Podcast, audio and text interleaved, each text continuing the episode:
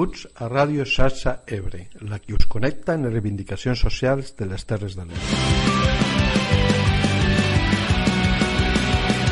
Aquí estem de nou per tractar tot el que ens preocupa en la gent que se n'ocupa.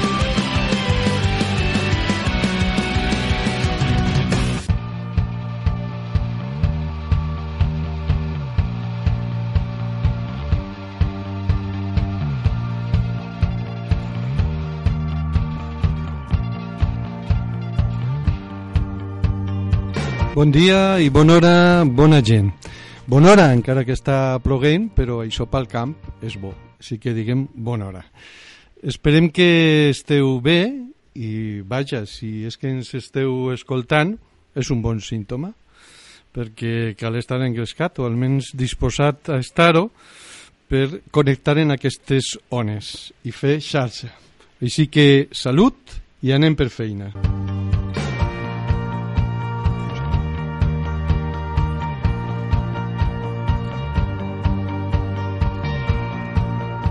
Ens havíem fet el propòsit de seguir el consell d'alguns dels que ens escolteu, que enteneu d'això de la comunicació, en el sentit de fer la introducció més curteta i anar al gra més aviat.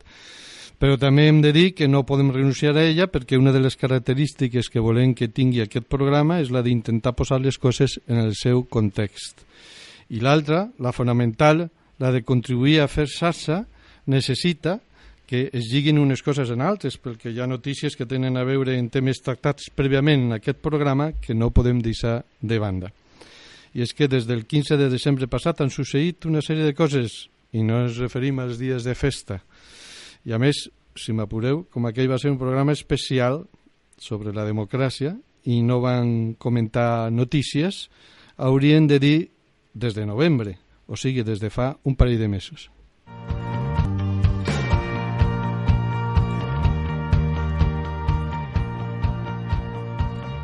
Anirem cronològicament per no perdre'ns.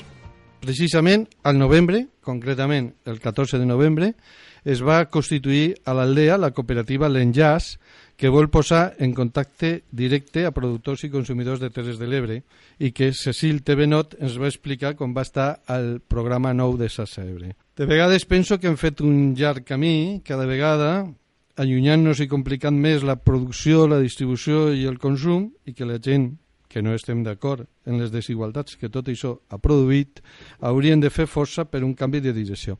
Ara, siguem realistes.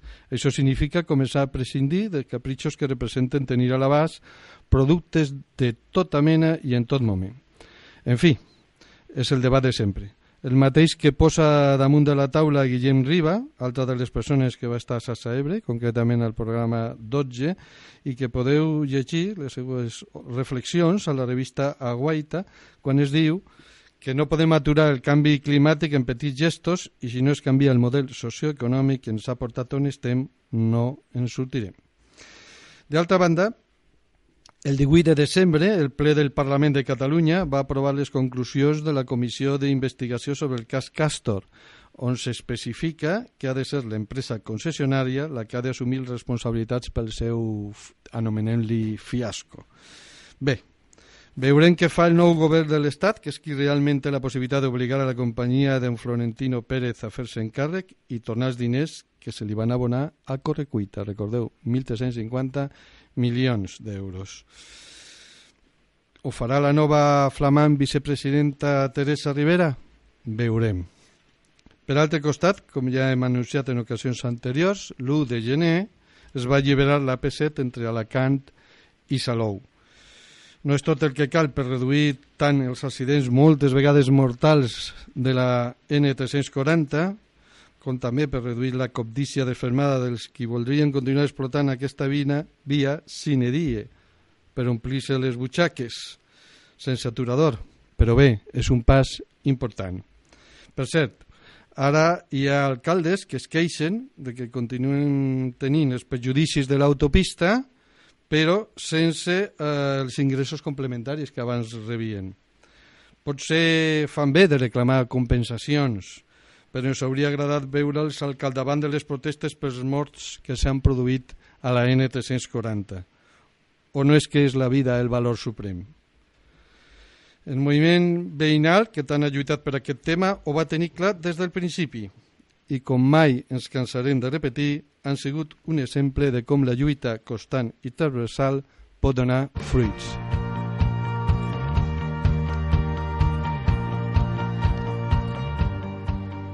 I parlant de lluites tenaces, la de la Plataforma per la Defensa de l'Ebre, que va denunciar el 7 de gener que el trencament de la canonada del dia 3 a l'Ampolla va evidenciar que no es tractava d'un mini trasbassament cap a Tarragona, sinó d'un trasbassament en tota regla. Es va impactar la frase que va dir Manolo Tomàs, el futur de les Terres de l'Ebre s'està anant per aquesta canonada. Podeu veure la gravació sencera de la roda de premsa al nostre canal de YouTube, Sarsa Ebre.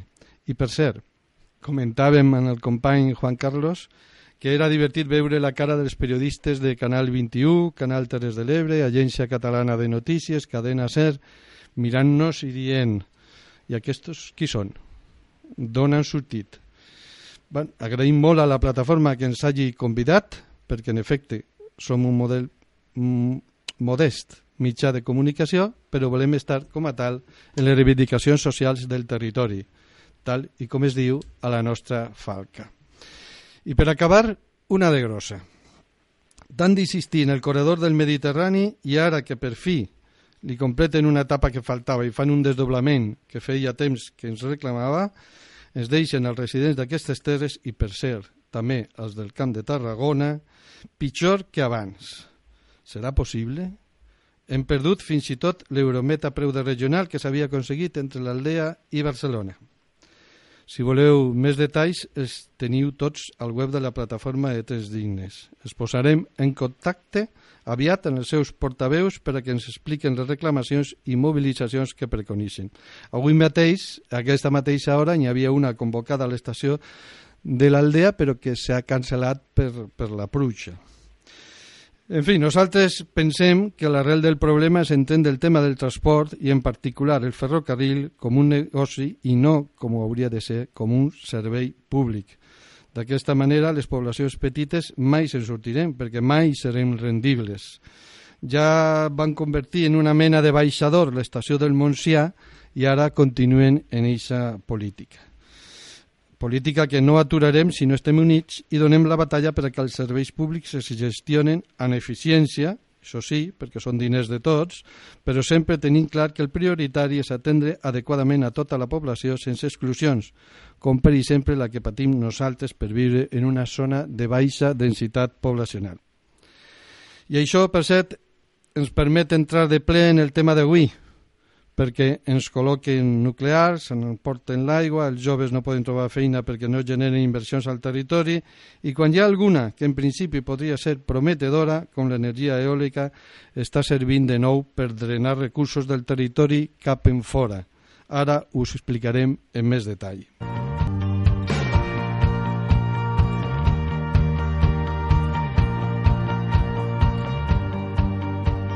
Com us vam avançar al final del programa passat, vam entrevistar Sergi Saladier, geògraf, professor de la Universitat Rovira i Virgili, exdiputat i persona que ha realitzat diversos estudis sobre el territori i en particular sobre la massificació eòlica. Al minut que us vam posar el programa previ per introduir el tema d'aquest, en Sergi ens deia que el 25% de l'energia eòlica de Catalunya es produeix a la Terra Alta tenint en compte que aquesta comarca són 11.490 persones, segons el darrer cens, les últimes dades, el que representa el 0,15% de la població actual de Catalunya, la desproporció entre el percentatge d'energia eòlica produïda a la terra alta i el que representa la seva població és de més de 150 a 1, el que ens dona una idea d'aquesta massificació de la que parlem. Sergi també es deia que l'energia eòlica acaba estant en mans de les mateixes empreses que gestionen, per exemple, les nuclears, que se les han vist venir i volen controlar també aquesta energia. I tot això sense que la gent que resideix al territori hagi tingut l'oportunitat de que s'escolti la seva veu. I això per què? Doncs a causa del model polític que patim, aquella democràcia de la que vam parlar al programa especial de desembre, que no deixa intervenir al territori en les qüestions vitals que li afecten i que només fa promeses buides sense cap conseqüència seriosa pel seu incompliment. En paraules de Sergi... Eh, no triar el territori, perquè això el territori malauradament no ho ha pogut triar, però doncs, que no van poder condicionar abans aquesta implantació. I ara, diguéssim, un cop han pogut constatar que ser la comarca amb, amb més centrals eòliques de Catalunya no ha repercutit ni amb la generació d'ocupació ni amb la reversió, diguéssim, important de recursos econòmics cap als ajuntaments i que, al contrari, el que ha significat doncs, és una transformació prou important del paisatge amb eh, 35 quilòmetres eh, pràcticament lineals no?, de punta a punta de comarca d'aerogeneradors amb línia alta tensió inclosa que es va construir per donar sortida a la producció elèctrica d'aquestes centrals eòliques i que a més a més això està generant doncs, uns certs impactes eh, visuals, eh, acústics, fins i tot lumínics, no? a les nits, amb, amb alguns problemes que hi va haver, doncs, sobretot a Villalba, a la Fatarella, doncs s'ha comportat que hagin pres doncs, la determinació de dir està aquí, no? hem arribat estar aquí, nosaltres ja hem assumit prou la quota de contribució a Catalunya en el que es podem anomenar la transició energètica i a partir d'aquí considerem com a comarca que no s'han d'instal·lar més centrals d'aquest tipus, eh, d'aquestes grans, controlades per grans empreses i que evacuen el 100% de l'electricitat fora de la comarca. Així resumeix Saladier que la gent de la Terra Alta hagi dit prou. S'ha de tenir en compte que aquestes promeses buides de què parlava anaven en el sentit de frenar la despoblació i el resultat ha estat que els darrers set anys la Terra Alta hagi perdut un 7% dels seus habitants, és a dir, a un ritme de 1% anual. La clau del per què les inversions eòliques no han revertit aquesta tendència ens la dona el mateix Sergi. És a dir, l'objectiu de la planificació eòlica a Catalunya es va concretar el decret de l'any 2002. Els seus objectius, n'hi havia diversos, però un era doncs, contribuir al reequilibri territorial, a la fixació de gent al territori, a la generació d'activitat econòmica al territori, i això el que s'està demostrant és que és rotundament fracassat aquest model, és a dir, això no ha contribuït a, a, a fixar gent al territori, sinó que, amb dades que estic treballant últimament, se constata precisament el contrari, que a major densitat eòlica, és a dir, major concentració d'eòlica en un municipi, eh, més pèrdua de població hi ha. Això no és perquè la, els aerogeneradors espantin a la gent, potser en algú concret sí que l'espanten i decideix marxar perquè hi ha molins, però sí el que et ve a dir és que aquest molí, aquesta instal·lació eòlica, aquest conjunt de molins, no estan repercutint eh, de manera prou intensa en aquell territori com perquè la població pugui continuar vivint. I això es manifesta a partir d'un estudi que vaig fer l'any 2015, en el qual eh, vam poder constatar quina era la repercussió econòmica que aquestes centrals deixaven al territori. I vam poder comprovar com de la facturació que fan aquestes empreses el municipi només rep un 3,4% de la facturació i això, diguéssim, és molt poc si ho comparem amb altres territoris. En el cas de França és un 33%, que han de repercutir als municipis, en el cas de Dinamarca amb els projectes industrials és un 25%, i l'altre... No pot quedar més clar i no cal dir el que això significa. Eixe 3,4% són unes engrunes que no permeten al territori alçar el cap Algú esperava una altra cosa d'aquest model industrial que ens col·loquin i d'aquests governs que diuen demagògicament que estan per corregir el desequilibri territorial? Per acabar, no podien desaprofitar l'entrevista i no preguntar a una persona com Sergi Saladier, que ha treballat i fet propostes interessants pel desenvolupament del territori, ell és de Vandellós, que ens resumís el seu punt de vista sobre el que es podria fer aquí a les Terres de l'Ebre. Va respondre centrant-se en dos punts. Per una banda, el que ja hem comentat sobre el model energètic, un model energètic controlat pel territori distribuït, i per l'altra el que ara sentireu i que ens va resultar ben curiós perquè va ser la primera vegada que ho escoltàvem. I l'altra qüestió, diguéssim, és la producció agrícola, però no pensada des del punt de vista doncs, de la globalització, com eh, ha mal viscut i continua mal visquent l'agricultura en els últims anys, sinó amb un model més de sobirania eh, alimentària, en aquest cas. I perquè això sigui possible, jo sempre poso un exemple. Si la Generalitat de Catalunya, que, de la qual depenen diàriament un, mile, un milió d'àpats, perdó, entre presons, sistema educatiu, eh, sistema sanitari, la Generalitat de Catalunya cada dia dona un milió d'àpats, entre dinars, esmorzars i sopars. Eh, si aquest un milió d'àpats que dona diàriament la Generalitat fos de proximitat i, per tant, produït a Catalunya, eh, implicaria una revolució i una revitalització tal del món rural eh, com probablement no, no l'hem conegut al llarg de la nostra història recent, perquè vol dir que s'haurien de produir molta quantitat d'aliments que ara no produïm, perquè a Catalunya produeix molta quantitat d'aliments però de pocs productes, però en canvi necessitem importar un 70% del total d'aliments diversos que necessitem. Vol dir que ens hem especialitzat en pocs productes per exportació, a preus que estan per terra, com eh, bé aquests últims anys al País Valencià tinguem que no collir directament les collites de cítrics, eh, perquè no es paguen eh, ni, ni, ni val la pena anar a collir-les, sinó que hauríem de diversificar eh, tot el sistema agrari per produir tota la diversitat d'aliments que necessitem eh, al nostre dia a dia.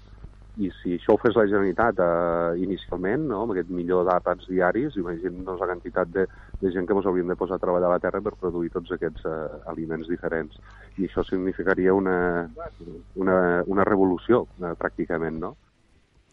Bé, agraïm molt a Sergi Saladier la seva disponibilitat i creiem que en això que ens ha aportat ja tenim punts per començar a tractar el tema amb les convidades que tenim a l'estudi.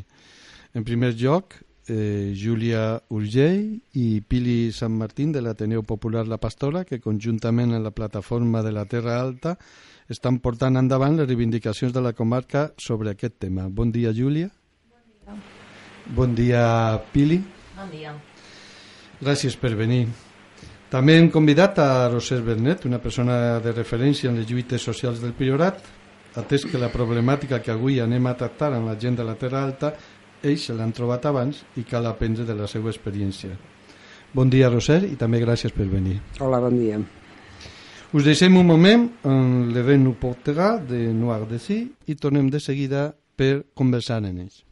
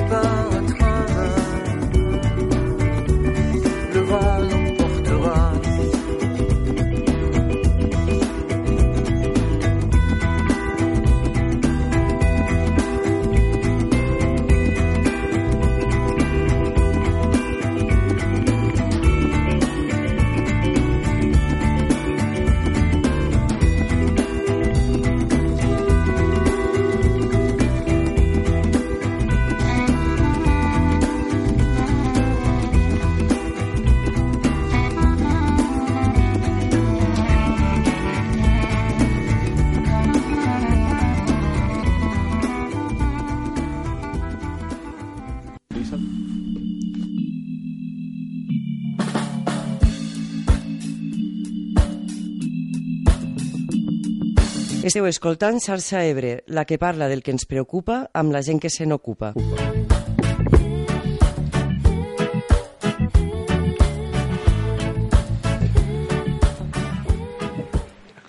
Júlia i Pili, expliqueu en l'ordre que vulgueu eh? per què heu portat endavant la protesta front a aquest model industrial d'energia eòlica i com ho esteu fent. Sí, eh, bueno, podem fer una introducció una mica al que ha anat succeint durant este any i, i pocs mesos que des de la Terra Alta se va reemprendre la, la lluita. Eh, és evident que, que no és una lluita d'ara, sinó que, que hi havia més de 20 anys de, de feina no? que ja alertaven que este model d'implantació eòlica que, que es volia fer eh, no tindria repercussions positives al territori i, i després d'estos 10-15 anys d'implantació eòlica és ara quan eh, a nivell tangible podem veure com aquestes alertes i de tota la lluita que ens ha precedit ha sigut així. Des de l'Ateneu Popular La Pastora i, i la Plataforma per a la Defensa de la Terra Alta vam reemprendre la lluita farà ara una mica més d'un any, a, al novembre de, del 2018, eh, quan van veure que hi havia la tramitació molt avançada de tres centrals eòliques eh, de, de Vilalba dels Arts, la Pobla i, i Batea, la, la zona nord de, de la comarca, on a tota aquesta zona de la comarca ja estem parlant de massificació eòlica perquè ja hi ha instal·lades nou centrals eòliques, que són uns 184 aerogeneradors, i això és un 25% de, de l'energia eòlica que hi ha instal·lada actualment a, a Catalunya. Llavors, un dels punts importants per, per introduir aquesta lluita no és això, que ara actualment a, a la Terra Alta ja han passat a parlar de massificació eòlica. Llavors vol dir que qualsevol nova central que, que es construïixo eh, ja anirà construïda damunt d'esta problemàtica. Eh, lo, lo que sí que ens vam trobar ara fa un any és que el paradigma havia canviat molt, que la Terra Alta en 15 anys eh, s'havia transformat, havia trobat nous camins també de desenvolupament al qual eh, molta gent ha invertit eh, i dedica la seva feina i el seu temps. I un dels sectors importants de, de la comarca és eh, el sector vitivinícola també el turisme sostenible, que s'estan fent apostes en aquest sentit, i llavors són sectors que al seu moment eh, va haver part d'aquest sector que sí que va alertar que, que aquesta implantació eòlica era contradictòria en el seu model de desenvolupament, però no hi havia este clam tan unànime com ara, 15 anys després, i veient les, les conseqüències de, de tota aquesta implantació, sí que, sí que existeix i, i des d'aquest sector, que és un dels principals motors actuals de, de la comarca, pues, ja s'ha tingut molt, molt clara que no volem cap més eh, construcció de, de cap central eòlica.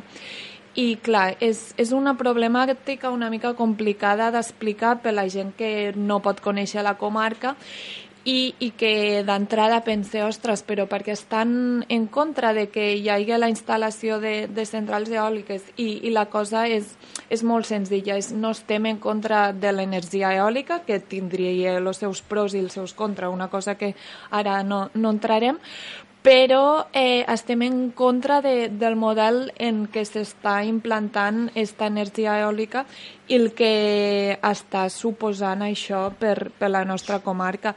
I veiem que 15 anys després pues, totes les promeses que no eren com promeses, o sigui, eren ítems que estaven redactats en els convenis als ajuntaments no? d'aportar eh, a nivell econòmic, a nivell de desenvolupament dels propis pobles, a nivell de llocs de treball i han vist que aquestes aportacions han sigut molt minces i que no han afavorit en el problema estructural que hi ha a les zones rurals de, de desenvolupament i és un pro, uns projectes que xoquen directament en el model que la Terra Alta sí que estava triant, sí que estava caminant i escollint per, per desenvolupar des de la feina de, de la pròpia gent que, que viu a la comarca i en canvi Eh, això és un model imposat de, de grans empreses que especulen en aquest tipus d'energia perquè, com hem sentit abans al salari, aquestes empreses estan capitalitzades no, per, per ser les mateixes que, que gestionen nuclears o altres tipus d'energia de, que, que evidentment no és renovable i que no tenen cap interès cap a la transició energètica, que és una cosa que evidentment ens preocupa molt i que creiem que s'ha d'esdevenir, però no d'esta forma, perquè estem fent eh, mateix pel qual mos ha, mos ha conduït aquí. Jo sempre repeteixo una frase que trobo molt interessant i és que estem fent un ús brut d'una energia que hauria de ser neta i, i això és el que ha passat a la Terra Alta i i el, i el que volem aturar i que no segueixi passant ni a la Terra Alta ni, ni a cap altre territori. Gràcies, Júlia. Em quedo en la frase esa de un ús brut de l'energia neta, d'una energia neta. Eh, Pili, vols afegir? Bueno, no, no em queda molt per afegir, però una mica resumir també el que ha anat explicant el Sergi en els seus talls de Déu i que ha anat explicant la Júlia, no? Tenim tota aquesta història que d'estos últims 20 anys que mos, mos posa sobre la taula no? los, los, los problemes reals que tenim a la Terra Alta i que eh, les, les centrals eòliques no han, no han solucionat, o sigui, encara ens trobem amb problemes estructurals molt potents, com és tot el tema de la, tot el tema de la despoblació. Bueno, la, la zero aportació econòmica que, que, supos, que, que suposa este tipus d'implantació totalment extractivista de la indústria, no? que no té, no té retorn cap al territori, o els retorns que té són retorns eh, pràcticament simbòlics que no, que no ajuden a tirar endavant. Evidentment impacte a nivell de generació de llocs de treball no n'hi ha hagut, és a dir, són, a, són un tipus d'empreses que ells porten a, a lo que seria la seva plantilla de fora, treballen durant aquell temps allí i marxen, és a dir, generació de llocs de treball a lo que seria la comarca i el territori no n'hi ha hagut. I, i això també implica a nivell social una pèrdua de, de lo que és l'autoestima, una pèrdua de governança, perquè nosaltres no hem tingut l'opció de definir quin és el model de desenvolupament que volem, i, i per tant un desapoderament molt gran no? i després tornar a insistir molt en aquest tipus de model, este model extractivista industrial que té un impacte brutal eh, amb el nostre paisatge, no? un paisatge agrícola, mediterrani, eh, humanitzat per les mans de les persones que l'han treballat, no? Capaç de ser un model industrial bastant imposat i, i una mica definir què és el que volem amb tots els impactes que té no? a nivell sonor, a nivell visual i, i a nivell de pèrdua de biodiversitat que potser és un tema del qual no parlem prou no? Mm -hmm. pues, gràcies Pili gràcies a les dues per aquesta introducció que heu fet llavors Roser que ja diem que és una persona bregada en lluites socials i que ja vas estar en manifestacions contra les nuclears, al moviment contra la massificació eòlica al Priorat, què ens podries dir de la vostra experiència i què valoració fas de la lluita que han explicat ara Júlia i Pini? Bé, ma iaia deia que el dimoni en sap més per vell que per dimoni. I bueno, jo anava a les, sí, com dius tu, a les manis amb els pares de la Pili, entre altres. Um, a veure, el problema jo crec que és un problema que, que no afecta només la Terra Alta o, o el Priorat, és un problema de model de país i que en el fons la part del sector energètic és un exemple més d'un model o inexistent o en mans d'interessos estrictament econòmics de, de les grans empreses del sector que siguin. Quan tot això va començar a, a moure's eh, el, el canvi de segle, el 99-2000, que va ser quan neixen les plataformes tant el Priorat primer com la Terra Alta després, um, no sabíem ben bé què és el que ens venia al damunt. Hi havia intuïcions que després, malauradament, han sigut certes, no vos agrada gens dir allò, veus, nosaltres ja us ho dèiem, però és així. Um, en aquell moment eh, tots ens vam plantejar que per què ens oposàvem a una, a una implantació eòlica que trobàvem que no era encertada. Veníem molts de les, de les lluites antinuclears, amb la qual cosa semblava una contradicció. Hi va haver tot un sector ecologista que se mos va tirar al damunt, perquè com podíem oposar-nos a energies renovables. Um, com sempre, calia batisar perquè nosaltres no ens oposàvem a cap energia renovable, ens oposàvem a un model energètic que el que feia és el que ara s'ha demostrat que, que ha fet, no? que és això, és industrialitzar una zona rural, una zona eh, agrària, aprofitar-se de les, dels territoris de les comarques més deprimides, amb una autoestima baixa perquè a nivell paisatgístic no, no, estia, no ha estat valorat perquè no formava part del cànon d'aquest país pel que fa referència al que són els paisatges eh, simbòlics i, eh, i aquesta, aquesta manera ja de començar a fer ja feia preveure doncs, que al darrere no hi havia res, eh, res que fos eh, gaire profitable.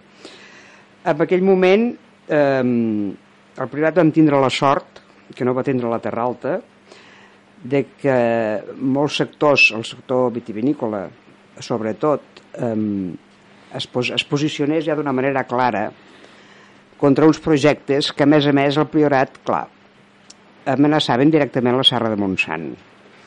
Això el que demostra és el desconeixement total i absolut d'un govern d'un país que és capaç de, de, de pensar que un projecte així es pot plantejar i que ningú no dirà res.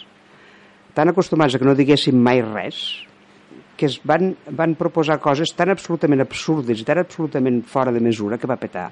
El Priorat va petar i allà sí que vam aconseguir eh, aturar tota una sèrie de, de, de projectes, però a la vegada jo penso que va ser interessant perquè eh, el debat que es va començar en aquell moment no es va aturar. Un cop vam guanyar, entre cometes, una batalla, que era el que ha aturat tota una sèrie de coses, un cop fet una mena d'acord comarcal entre les entitats i les administracions d'àmbit local, que no ha sigut mai reconegut a nivell jurídic, que era un primer assaig de governança, un cop això no ens vam aturar. Vam continuar debatent per què havia passat això, per què havíem decidit que, que allò no ho volíem, què és el que volíem, doncs. No? Llavors, hem estat treballant i jo penso que, que el més interessant és, és, és, és poder passar de la, de la, del plantejament d'acció-reacció a un debat aprofundit que, eh, que et porti a decidir què és el que tu vols com a model pel teu territori i, eh, i a partir de què proposes coses, a partir de, de, de, de quina mena d'elements de, eh, dissenyes aquest model de desenvolupament propi.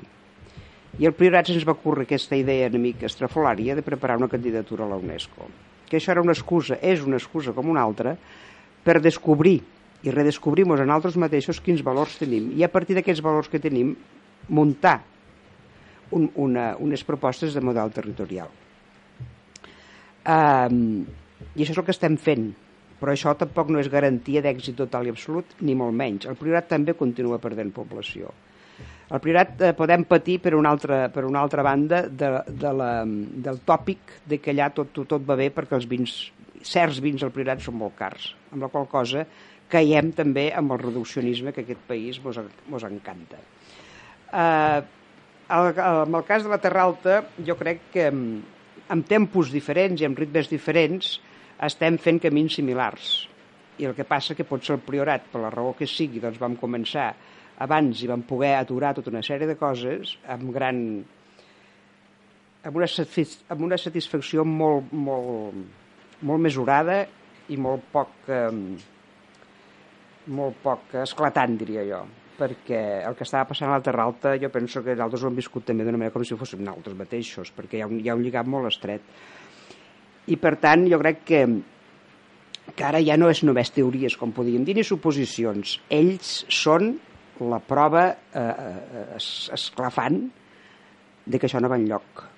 I que, i que és, i repeteixo, és un model energètic que reflecteix un model de país. I per tant el que no pot ser és que eh, s'obri la veda perquè eh, qualsevol gran empresa, sobretot gran empresa, perquè si tu et vols muntar el teu xiringuito eòlic solar eh, propi, et posaran totes les traves del món a qui s'obri totes les facilitats, a qui es dona totes les, les, les, les, les vies obertes de bat a bat, és a les grans empreses. És a les grans empreses que, a més a més, necessiten forçosament aquests models de grans eh, instal·lacions, perquè si no, no els hi surt a compte grans instal·lacions que són absolutament ineficients, perquè eh, si la Terra Alta produeix el 25% de l'energia eòlica d'aquest país, si al sud de Catalunya produïm el 12% de l'energia, perdona, produïm el 72% de l'energia i en consumim el 12%, tot això se'n va per aquests mons de Déu, amb unes línies d'alta tensió que tenen afectació de tota mena, que es perd l'energia de manera, de manera absolutament eh, eh, anti, anti tot anti eh, aquesta suavitzant eh, transició energètica que amb aquesta excusa ens tornaran a intentar colar el que, el que convé i el que no convé. Eh, però aquí s'ha d'estar molt, molt atent amb aquesta història perquè serà per aquí que ens atacaran. De la mateixa manera que intentaven fer creure que nosaltres podíem ser pronuclears perquè no volíem molins, ara ens diran que estem en contra de la transició energètica. Mm Però, clar, eh, lo de l'energia neta, això va sortir amb un titular del diari Avui, l'Ignasi Riera, un, un militant històric del SUC, va fer un article que es deia Energia neta en plats bruts.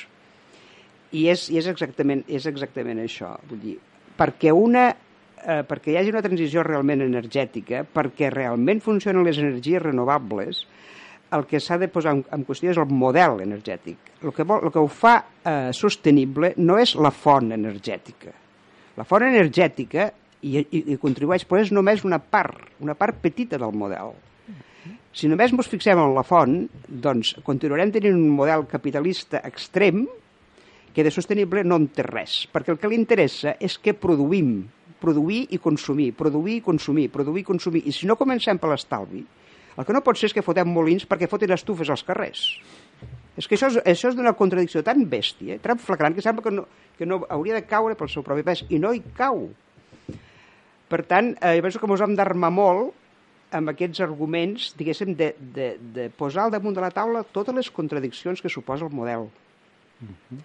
I, i, i fer, fer propostes, fer propostes alternatives. Eh, amb el Sergi Saladier mateix, per exemple, quan, es, quan després de tot, aquest, tot, tot el, el, el cacau que hi va haver, el canvi de segle, perquè no només hi havia el tema eòlic, hi havia el, hi havia el pla hidrològic, hi havia una tèrmica mora, va petar, tot això va petar, aquestes comarques del sud van petar, van petar i van ser la, i van ser la mort de, de, de la majoria absoluta de Convergència. Arriba el tripartit i, es, i intenta fer un pla energètic, un pla energètic en el qual se'ns dona una mica de veu i vot per poder dir alguna cosa, però un pla energètic després de fer molts discursos i moltes bones intencions acaba amb una frase que diu però com que finalment estem en un, en un sistema de mercat, les empreses tenen dret a decidir cap a, a què és el que triaran. Doncs perdonin senyors, vagin vostès cap a casa seva, us estudiarem els seus sous, el sistema de mercat ja, ja ho regularà i, i deixem-nos d'hipocresies. Doncs estem, continuem estant aquí.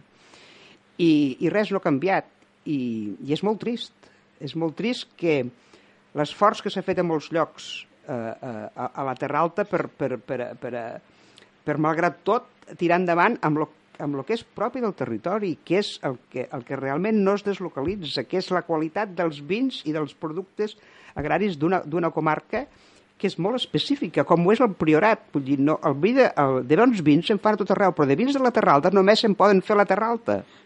I això no es deslocalitza. En lloc d'apostar això, tenim un bueno, un govern que fa tot el contrari. I ara tallo perquè hem de parlar de... Sí, seguirem després en el debat. Moltes gràcies, José, molt aclaridor.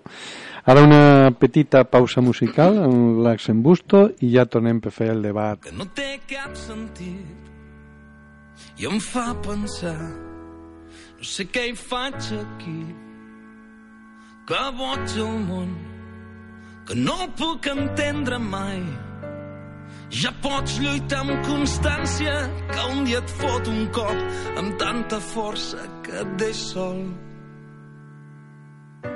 En el principi del camí diuen que el món s'hi ve a patir que boig el món que no té cap ni peus i ens deix tenir el que teníem ahir que boig el món que no vol aconseguir. Per fi esborrar del mapa aquelles coses que menysprem i ens fan sentir mesquins.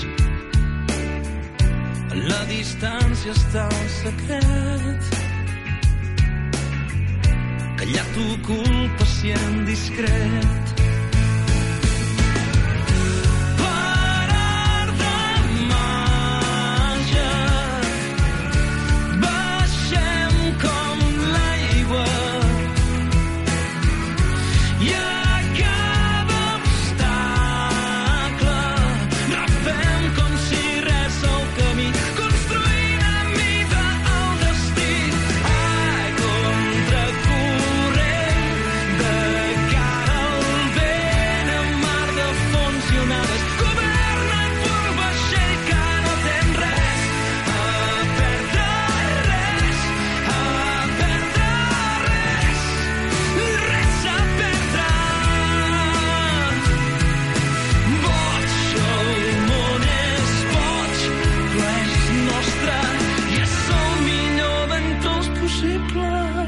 Abans de començar el debat, eh, recordeu que podeu deixar àudios o textos al Telegram o al WhatsApp del programa, el número 6 98 39 30 63 6 98 39 30 63 tant abans com un moment del programa o després.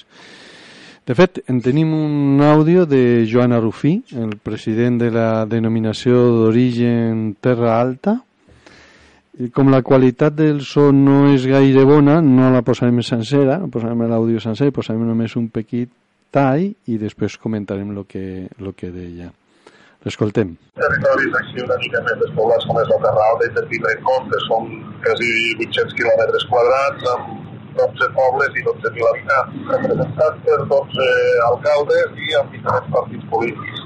És bàsic que els partits polítics es manifesten d'una manera clara, però sobretot els alcaldes es manifesten d'una manera clara. I els alcaldes dels nostres pobles escolten el poble, escolten a la gent i a les seves empreses a tenir no parcs eòlics, amb més parcs eòlics i només escolten els ingressos que rebran ajuntaments per fer carrers nous o per altres serveis que no ens aporten més habitants al poble ni ràtiques al poble, sinó que sí que els hi donen el, la facilitat als anys de govern dels alcaldes de turno o als seus de govern més fàcil o més placentera. Això no és el futur de la comarca. El paisatge no és d'un poble, paisatges de tota una comarca. El paisatge de Batea és tan important per mi que de Batea com el paisatge d'Horta de Sant Joan o d'Arnes o del Pinell. Que la qualitat del so deixava desitjar, però bueno. Eh, eh, Joan insistia en això de que els alcaldes no haurien de mirar, diguem-ne, la seva comoditat, sinó que haurien de pensar més en el, en el territori i que haurien de dir, haurien d'escoltar la veu del poble i dir que no a aquest model eòlic, no?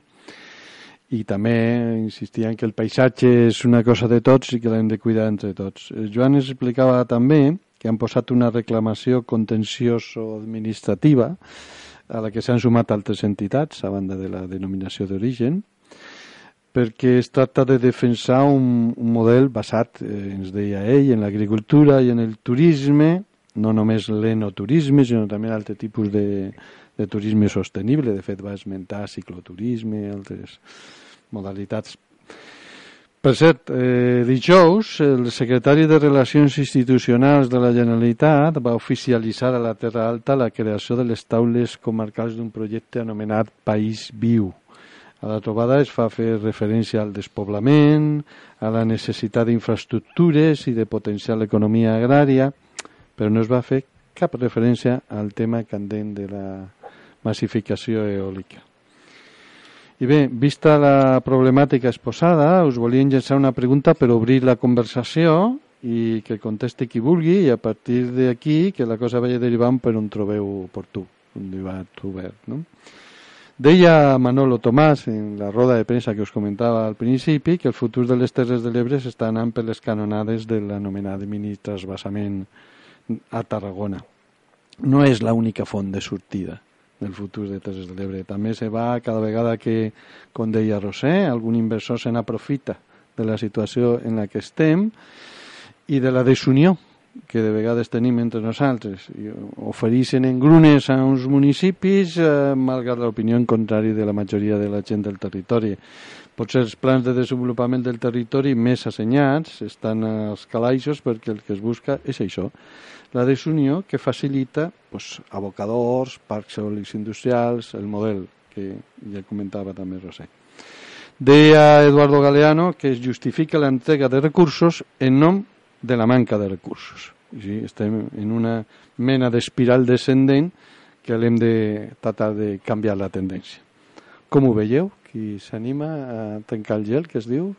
A veure, quina de les tres? Sí, Júlia? Jo crec que eh, un dels temes que ha parlat eh, Joana Rufí, la, la desunió dels pobles, precisament, és un de, dels ítems que, que també les empreses a l'hora de, de fer aquestes tipus d'instal·lacions ja, ja juguen en això.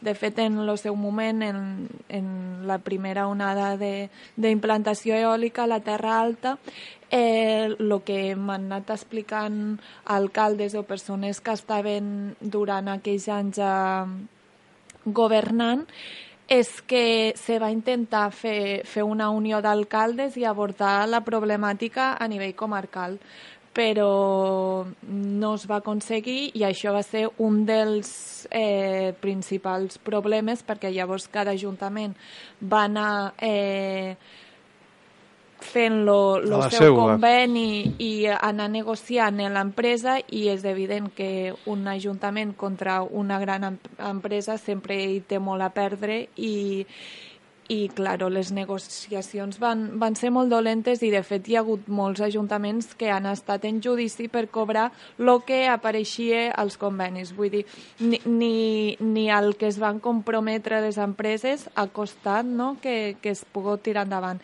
I un dels problemes això inicials va ser esta desunió i que jo crec que ara la tendència eh, comença a canviar, que, que veiem que hem de funcionar molt a nivell de comarca, perquè bueno, som una comarca en una baixa densitat de població molt gran, vull dir, som 11.000 i poc habitants, és, és molt poca població, i, i clar, si no es desenvolupa un projecte conjunt i es té una mirada conjunta de comarca és impossible tirar endavant i això també, per exemple, el macrobocador de, de residus de, de Ribarroja no pot ser que un sol alcalde decidi això perquè està al seu terme quan Que a més era el una- delegat de sostenibilitat Sí, sí. del territori. Sí, i és una cosa que afectava molt més enllà de Ribarroja i en aquest sentit, per exemple, la, riba, la Ribera d'Ebre jo crec que se va plantar molt i, i part de, de la classe política ho van tindre clar, que era un problema que afectava Ribera i fora de, de la Ribera, perquè no només era Ribera, i, i que veien que era una cosa que s'havia de combatre conjuntament, no? que no pot ser que un sol poble acabo decidint per, per, bueno, per, un, per un projecte. zona. Sí. Eh, alguna de vosaltres? Bueno, a mi m'agradaria afegir no, l'actual nou decret de la Generalitat que es va aprovar a finals de l'any passat, del 19, que literalment el que fa és liberalitzar el sector energètics, el sector energètic a, a petició del lobby eòlic, no? Llavors això és algo que, que ens fa molta por perquè, perquè al final ens, no, no, volem, no volem continuar amb aquesta política de, de l'espoli dels recursos, no? I aquí jo crec que sí que és que ja es posarà molt de manifest, es posarà molt sobre la taula que o, o anem units o, o lluitar contra, contra aquesta liberalització en realitat és, és super difícil. No? Crec que tenim una petita victòria per celebrar i va ser la unió que vam començar a fer a, a mitjans de l'any passat amb, amb el sector polític, amb el, amb el sector mm, de defensa mediambiental, amb el sector socioeconòmic, com és la denominació d'origen terra alta, amb el Consell Comarcal, i gràcies a aquesta taula de treball i a aquest treball conjunt que vam fer vam ser capaces de poder aturar um, el projecte de, que afectava els pobles de, de Pinell, Benifallet i, i Prat de Comte, no? Amb evidentment també la, la implicació de l'Ateneu Popular La Pastora i, i la plataforma per la defensa de la Terra Alta no? i penso que és un, que és un exemple i és un és algo que ens ha de seguir esperonant per continuar en aquesta lluita, però no pot, no pot ser aïllada només de, del sector social o econòmic, sinó que, que l'hem de fer conjuntament en estos polítics i d'aquí una crida a que, a que realment hi hagi una, un compromís en el territori i una, i una defensa del territori. No? Quina és la posició de les, dels 12 alcaldes que deia a Rufí? Estan, estan treballant conjuntament? Estan... A la Terra Alta, malauradament, el tema eòlic continua sent un tabú en determinats aspectes i en determinats pobles i patim una desunió molt gran a nivell comarcal. El treball que estem fent des de l'Ateneu Popular La Pastora és treballar per esta, per esta unitat comarcal i, i la idea és poder la, la idea de, de, de treball és poder, és poder treballar en aquest sentit. A nivell de Consell Comarcal les coses sembla que estiguin funcionant de manera diferent perquè sí vam aconseguir un acord per blindar la comarca eh, amb el tema de les centrals eòliques i, i per part del Consell Comarcal és, ja es té compromís, però després sembla que a nivell municipal cada ajuntament va una mica al seu aire pactant en, en, en, en, en, estes grans, en estes grans empreses la seva part del pastís, no? i això mos preocupa molt. Sobretot davant la liberalització d'este... Sí, això que acabes de no? comentar. Sí, sí, sí. Roser? Sí, jo crec que hi ha una cosa que és perversa, que per una banda se juga amb aquesta teòrica sobirania municipal, de que jo al meu poble faig el que vull, eh, i per altra banda, quan convé, eh, es treuen de la màniga aquesta, aquest interès general que fa que es passi pel damunt de la sobirania municipal, perquè en, eh, en àrees d'aquest eh, interès eh, general, doncs si tu et declaren una, una central eòlica, la declaren d'utilitat pública, ja pots cantar missa. Això ahir explicava el Sergi que té aquell exemple, exemple clar que, que, us ha passat a la Terra Alta també de Copsissa, que sense, eh, sense haver fet encara res, diguéssim, sense, sense haver invertit ni un duro, eh, amb, amb, amb tractes, amb, amb operacions especulatives ja va guanyar una milionada.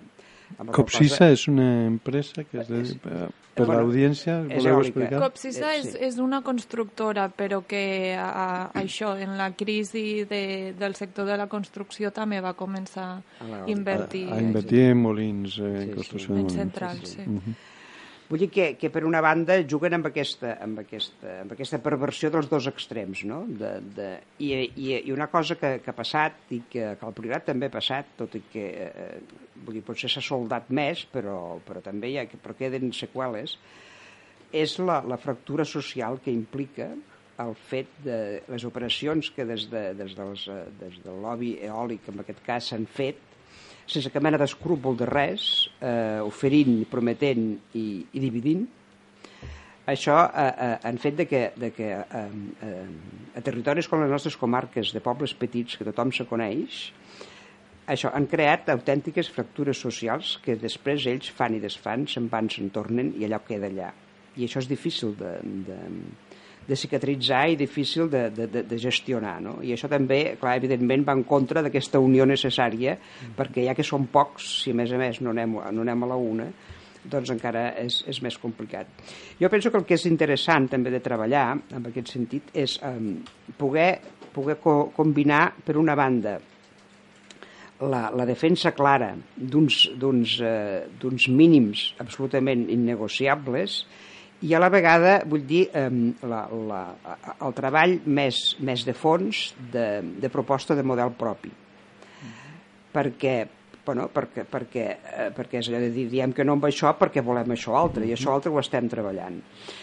Eh, ara estan molt de moda, i veig que ells també pugen al carro de les taules, de la participació ciutadana, i, però el, el, el problema, com sempre, és que ens quedem amb la façana, del, que, de, de, del discurs, però eh, no es va a fons a les coses. A l'hora de, de, de poder treballar amb aquest, amb aquest aspecte de, del model propi, jo crec, i, i en aquest sentit penso que el Priorat sí que hem intentat, o estem intentant fer-ho, és més fàcil eh, si tu quan assentes tota una sèrie de gent al voltant d'una taula per negociar eh, què diem o què deixem de dir amb unes propostes que ens fan, si partim dels interessos de cada un dels individus o entitats o administracions que estan en aquella taula, el conflicte està servit d'entrada i és difícil de, de trobar punts d'encontre de, d'encontre perquè tothom es tira cap a la seva banda. El que m'ha estat fent el Priorat eh, al voltant també del projecte de la, de la candidatura de la UNESCO és eh, començar a debatre en termes de valors, no en termes d'interessos. És a dir, començar a identificar entre tots quins valors tenim tots i cadascun. Els que són generals de comarca i els que són propis de cada, de cada municipi o de cada sector, que els propis eh, contribueixen als generals i viceversa. Si ens posem d'acord amb que hi ha tota una sèrie de valors que tu dius, ostres, doncs és veritat, no hi havia pensat, doncs bueno, si ens posem d'acord amb, amb que tenim uns valors compartits i que els volem tirar endavant, eh, llavors hem de buscar maneres de gestionar-los, aquests valors. I a l'hora de gestionar, després sortiran els interessos. Però si tu has partit de la base d'aquests valors eh, consensuats, doncs eh, tens, tens eines a l'hora de, de, de gestionar els conflictes que són interessants perquè et permeten dir, bueno, si jo m'he posat d'acord que aquest valor eh, m'interessa mantindre'l, aquesta proposta i xoca, va en la mateixa direcció, no hi va, et dona pautes i et dona direccions que t'ajuden a l'hora de decidir i d'estriar, perquè clar, tots ho podem entendre, un poble petit, amb feina rai per tot plegat, amb uns pressupostos mínims, ve un senyor amb una maleta i bueno, te promet duros a quatre pessetes, doncs fins i tot, vull dir, ten, amb, eh, vull dir aquí hi ha de tot, hi ha bona fe i després hi ha els, que, els alcaldes egipcis que deia aquell que paren la mà.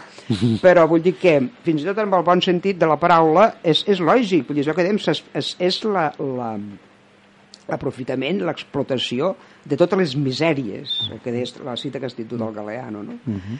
I per tant jo penso que la feina aquesta de paral·lela a la, a la vegada que fas la, la resistència i, a, en tots els àmbits, el legal, el polític, el social, eh, eh, s'ha de, de, de lluitar en tots els àmbits, però a la vegada anar construint aquesta altra cosa que permet, que permet presentar alternatives, no? perquè l'una sense l'altra doncs, eh, també són estèrils. No? El fotut de sempre és que la deconstrucció va a poc a poc la de destrucció va amb una velocitat va ràpida, ràpida. Sí, jo recordo per això que deies, un amic me va explicar que l'alcalde de la Torre de Fontovella, un poble menut, eh, un noi jove, això parlo ja de fa uns quants anys, eh? eh en, un, en un pressupost minso i venien els de les eòliques i li oferien uns dinerets i deia, home, pues en això podria fer coses que no tinc manera de fer i clar, és posar-te entre l'espasa i la paret aprofitant la situació en la que estava gent, no? És, és a dir, bueno, no sé si voleu dir alguna coseta més, Júlia.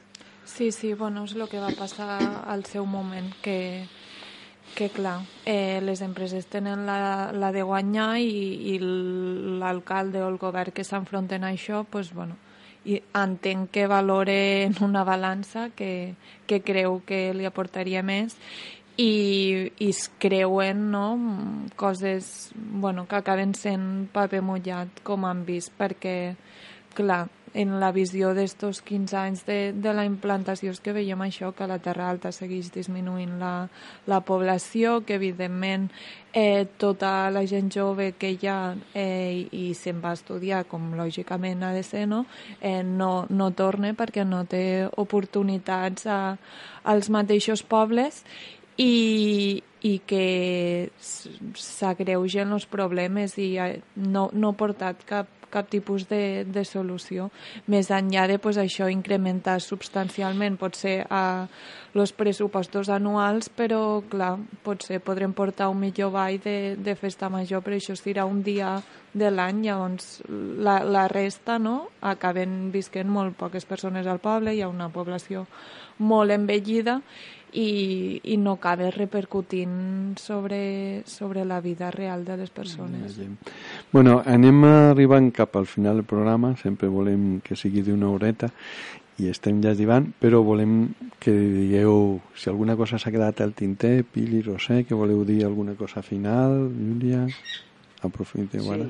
Jo crec que això que hem dit al començament, de que en el fons el model eh, energètic, el model eòlic, que és una part del model energètic, que és un reflex del model de país, això ens passa també amb la, amb la, la correlació entre, entre el govern, diguéssim, del país i els governs, i els governs municipals, no? Quan l'objectiu és, és tindre una mica més de diners per fer alguna cosa, però no sabem què fer, si prèviament no hem decidit què és el que volem fer, quin és el model, farem això, postarem una orquestra més bona per la festa major. Però del que es tracta és de, de, de, de, de tindre aquesta, aquesta que la iniciativa de, de, de, de fer els propis models eh, és el que hauria, és el que s'hauria de fomentar des d'un govern. I això nosaltres ens hi trobem al Priorat. Amb, la, amb tota la feina que, que, que estem fent pel tema de lo de la UNESCO, hem fet, un, un, hem, fet tot, hem, hem establert tot un sistema de gestió, tenim tot un pla d'actuacions, tenim un munt de coses posades damunt de la taula que ajuden a, a construir un model i el govern d'aquest país, en lloc d'estar content i de dir això pot ser replicable perquè és una metodologia que pot ser interessant, doncs eh, pals a les rodes. Mm -hmm. Vull dir que, que quan, quan, la, quan la, la, la societat, quan la gent s'empodera i diu, bueno, doncs jo vull dir la meva, jo vull tindre el dret a decidir, uh mhm. -huh. eh, i, i proposo fórmules de cogestió, doncs no, no, no s'accepta, no es vol, directament no es vol, com algú feu por. Llavors, clar, llavors és evident, llavors és aquesta contradicció, per una banda, crearé taules de, de pseudoparticipació per fer la Terra Alta viva i no sé quantes coses més, on tot quedarà diluït i ben, ben, ara podré dir, eh, després les estadístiques han fet tants, eh, tantes sessions i tantes d'això, però en el fons, la, la feina de fons de co-crear i cogestionar un model de territori, els governs que tenim avui en dia no els interessa per a res. Per tant, a part de la feina de lluitar a tots els àmbits, el jurídic, el social, el polític i l'econòmic, i d'anar creant eh, eh, eh, propostes de model, n'hi ha una altra de molt senzilla, que és a veure si, si, si aprenem de tant en tant votar com Déu mana. què, què ha dit? Bueno, Pili, tens l'última paraula. Que suposo que tinc molt poc temps, sí que, sí que m'agradaria dir una mica, posar una mica de llum també, molt d'acord en, lo, en el que ha comentat ara finalment la Roser, um, per afrontar la realitat que tenim i totes les dificultats, tant a nivell de país, no només de, dels pobles del sud, dels petits pobles del sud, fa falta una mirada de creixement, de, de creixement de model, i d'anar pensant sobretot en la petita escala. M'havies assustat perquè t'havia escoltat de creixement. No, però separat, de creixement. Una mirada de creixement. No. És de decreixement. De decreixement. Una mirada de decreixement a, a tots els nivells, perquè el planeta està dient que stop, no? Llavors... Uh -huh. I això és una, una, una, una, una proposta també o una, un qüestionament que també evidentment s'han de fer els governs perquè no només amb les persones de carrer canviarem aquesta mirada. No? Uh -huh. Bueno, pues en això hem arribat al final. Pensem que els que ens heu escoltat en teniu més elements sobre aquest tema. Ara us deixem un momentet en Scorpions i el seu Winter Change i tornem per donar-vos les últimes informacions i tancar el programa.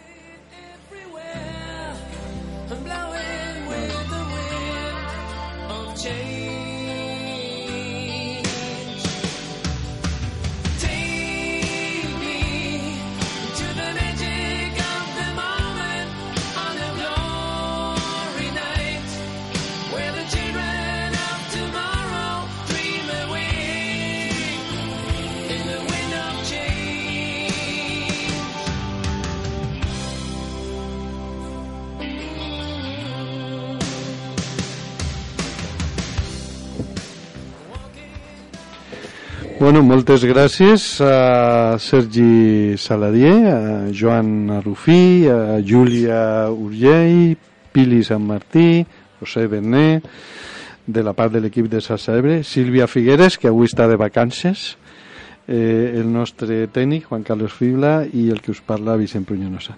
Us esperem el proper eh, programa, és fàcil recordar la data, serà el 23F, 23F, ha coincidit així. Serà un programa sobre la dona, sobre la situació de la dona, perquè ho hem volgut fer eh, una miqueta abans del 8M, aleshores, com fem un programa, ja sabeu, cada mes, el del 23F serà sobre la situació de la dona. Tenim confirmada la presència de Carme Abril i segurament mm, més persones que, que vindran.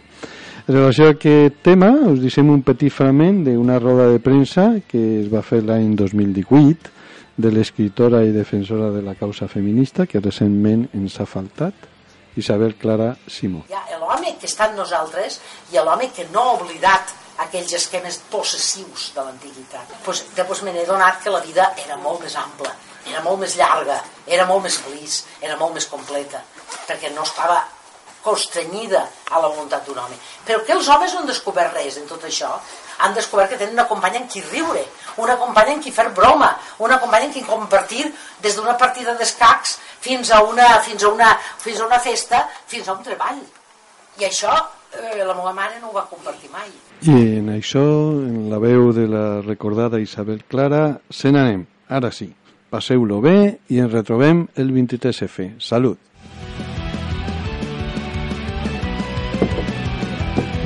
T'esperem a la propera emissió de Xarxa Ebre. Ens trobaràs al WordPress, al Gmail, Facebook, Twitter i a l'Ivox. Sempre amb aquesta etiqueta, Xarxa Ebre.